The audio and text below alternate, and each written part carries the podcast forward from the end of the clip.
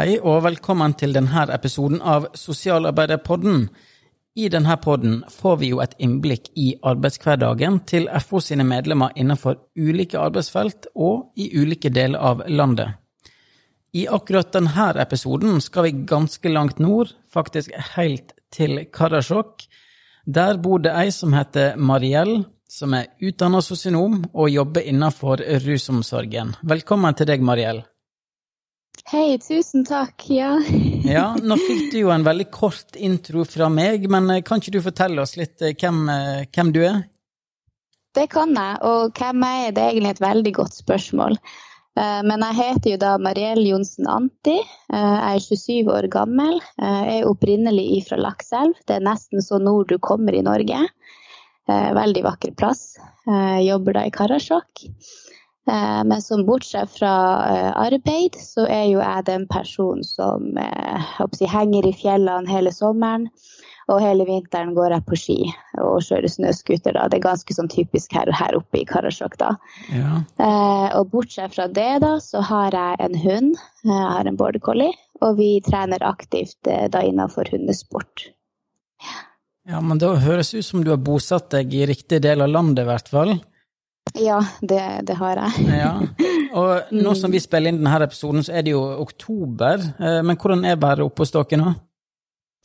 Eh, I dag har vi det ganske varmt. Vi har eh, nesten ni varmegrader. Men i går så har det jo vært nattefrost og vært minusgrader så å si hele dagen. Men i dag er det varmt. Ja, Riktig, så det er mm. variert, altså. Det nesten, høres nesten ut som Vestlandet, det her. Ja. ja. Nei, du mm. har, jo, eh, du har jo en del utdanning, veit jeg, sånn utover eh, grunnutdanninga di. Men eh, hva var det som gjorde at du valgte å bli sosionom i utgangspunktet? Ja, for å gjøre en lang historie kort, så har jo jeg en eldre søster som jeg egentlig alltid har sett opp til hele livet. Og hun skulle studere juss, og hun skulle bli advokat. Og så Da kom jo jeg der jeg var tolv år gammel og bare OK, jeg skal òg bli advokat, jeg skal òg studere juss. Uh, og gikk egentlig og sa det i ganske mange år at jeg også skulle bli advokat.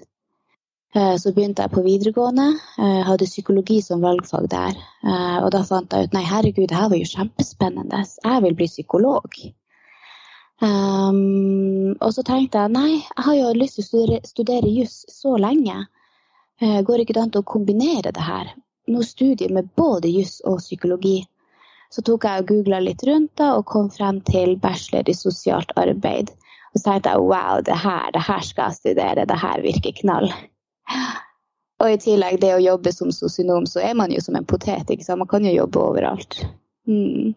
Ja, men Det er godt å høre. En, en sosionom som har eh, gjort seg noen tanker før, eh, før valg av studieretning, det, det høres bra ut. Eh, jeg vet, Mariell, at du jobber på noe som heter SANKS, og etter hva jeg har lest meg opp i forkant, så er det altså ei avdeling som er tilknyttet Finnmarkssykehuset, og som tilbyr eh, utredning og behandling for personer med utfordringer knytta til psykisk helse og rusavhengighet. Kan ikke du si litt mer om hva som er spesielt med SANKS? Hva er det som gjør at man trenger et Eh, behandlingstilbud som eh, er spesielt tilpassa den samiske befolkninga? Eh, mye av det går jo eh, på det med kultur og kulturforståelse. Eh, mange av oss som jobber på SANGS, er jo samisk sjøl og sitter på denne kompetansen. og i tillegg så vet jo vi òg Eh, hva samer har måttet gå igjennom da, eh, de, siste, si, de siste hundre årene med både fornorskning og samehets og alt som måtte følge. Eh, og konsekvensene av det er jo da kan være så mye. Og mange sliter jo med sant, litt identitetskrise. Det her med å være, altså, flaue seg over å være samisk, den skammen knytta rundt det. Um, og litt sånn, da. Så det å kunne komme hit uh, til Sangstad og få behandling hvor du slipper å måtte fortelle om alt det her, ikke sant. Og familieperspektivet, hvor viktig er familien, og hvordan det er å være samisk. Å slippe å fortelle om det har jo vi fått tilbakemelding da fra samiske pasienter at det er helt fantastisk. De kommer inn, de blir sett, og de blir forstått med en gang fra første møte. Ja, men Så fantastisk. Kan du, kan du beskrive litt sånn hvordan, altså hvordan ser en typisk eh, arbeidsvakt ut for deg? Eh, jeg vil også bare legge til, eh, i tillegg til at vi tilbyr samisk, altså behandling til den samiske pasient i Norge, så tilbyr vi òg behandling utenfor landegrensene. Så vi tilbyr òg behandling til den samiske pasienten i Sverige og i Finland. Så vi har avtale med Nordbotten, Vesterbotten, Jämtland og Harjedalen og Dalarne i Sverige, og da Lappland i Finland. Mm, hvor vi da tar imot pasienter derifra. Ja, og da er det sånn at de kommer til dere, eller har, eh, finnes det òg kontor der?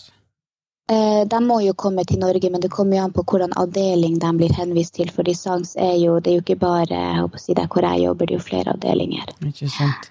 Ikke sant. Mm. Og eh, så hvis, hvis, du skulle beskrevet da hvordan en, en typisk arbeidshverdag ser ut for din del, der du jobber? Ja, for min del, ja. Eh, jeg jobber jo på en døgninstitusjon eh, som heter Døgnenhet psykisk helse og avhengighet. Um, og det som er så spesielt med min arbeidsplass, er jo at det er to poster under samme tak i samme gang, da. Men jeg jobber kun, kun, på rus, kun på TSB. Uh, og jeg jobber som behandler der. Uh, så min arbeidshverdag består egentlig av at man kommer på jobb.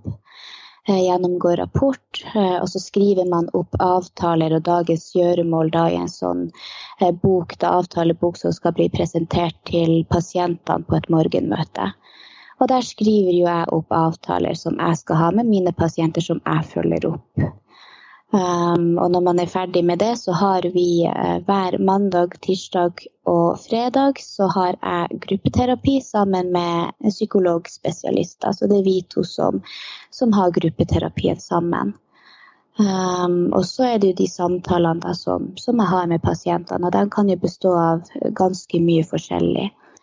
Uh, både fra det at de mangler bolig, uh, de trenger å bli, sant, få eh, samarbeid med Nav fordi at de har dårlig økonomi, mye gjeld eh, og litt sånne ting. Men òg da når det gjelder rusmestring, motiverende samtaler og ellers samtaler om oppsider som kan være vanskelig i livet og veien videre.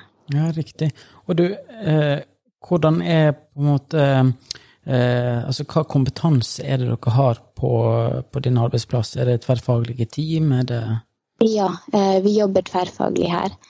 Uh, og det er, jo, det er, jo, krav her om at det skal være tverrfaglig. Så på de møtene vi har, vi har jo behandlingsmøter ukentlig, og da skal det jo være en sosionom, det er jo da meg. Uh, og så skal vi ha psykolog og lege til stede. Og så da selvfølgelig er det andre faggrupper som òg deltar, men at det er liksom krav om at det må være de tre faggruppene for at det da skal kunne være tverrfaglig. Ja, så dere er altså Det er relativt bredt sammensatt kompetanse Eh, har dere ulike ansvarsområder? Det har vi. For eksempel, selv om jeg jobber eh, som behandler, så har jeg òg ansvar for det sosialfaglige på min avdeling. Så jeg har jo da i oppgave med alle nye pasienter som kommer inn hit, så må jeg da foreta en sånn sosialfaglig kartlegging av dem. Og da komme med en vurdering etter det. Eh, og så har vi jo da psykologen som må ta en eh, psykologfaglig vurdering, en kartlegging der. Eh, og så medisinskfaglig da som overlegen skal gjøre. Nei, Det høres spennende ut, Mariell. Nå er det jo sånn, Vi har jo mange medlemmer som jobber med mennesker som sliter med rusavhengighet, ulike psykiske lidelser og lignende. Har du noen gode tips og råd til andre som jobber i samme felt eller med samme målgruppe? Ja. Um, altså når det gjelder rus, uh, det er, en, altså det er jo en sykdom, det er en lidelse, det er en egen uh, diagnose. Uh, så er det jo det at ofte er det vanskelig å slutte. det er vanskelig å slutte å ruse seg av mange ulike grunner. og det kan være litt vanskelig når man jobber i rusfeltet, ikke sant. Eh, det å måtte stå i det at du får en pasient, en gjengåer, som får tilbakefall etter tilbakefall etter tilbakefall. Uh, og, det å huske at det er en del av lidelsen, det er en del av diagnosen. Så det kan hende at en, en pasient må til behandling 20 ganger, og så den 21. gangen så går det. Så hold motet opp, oppe. Mm. Håp er så viktig. Uh, og en annen ting som jeg har kjent på, uh, siden jeg var jo ganske ung, og er vel egentlig òg ganske ung, så er det her med å være ung i, i det her feltet. For ofte så kan jo ruspasientene da ha, ha rust seg da lengre enn det jeg har levd. Og det er også ofte noe jeg får tilbakemelding fra dem. altså Det er evaluerende kommentarer fra dem. Så når det oppstår sånne vanskelige situasjoner, uh, ha noen å prate med om det. Har du en god kollega, snakk om det. Er det veiledning? Ta opp ting som kan være vanskelig og utfordrende. Mm. Så kollega og sånn kanskje lederstøtte òg, da? Ja. Mm. Hvordan, eh, hvordan, eh, legger dere til rette for det på din arbeidsplass? Vi har eh, Hver fredag så har vi kollegaveiledning, og da er det hos psykologspesialisten som, som styrer det, da. Mm. Og så er vel planen etter hvert at jeg også skal begynne å ha kollegaveiledning. Ja, men det høres, høres, spennende ut. Så da kan det være at det blir eh, enda mer videreutdanning på deg etter hvert? Ja, jeg holder jo på med, med det. Jeg tar emne i veiledningsteori og metodikk nå ved UiT. Ja, men spennende. Mm. Nå, jeg må jo spørre deg òg, når jeg først har deg her, hva, hva, er det som gjør at du er organisert i FO? Uh, eh, jeg er jo medlem av den grunn at det er fint å ha uh, en organisasjon i ryggen hvis uhellet skulle skje.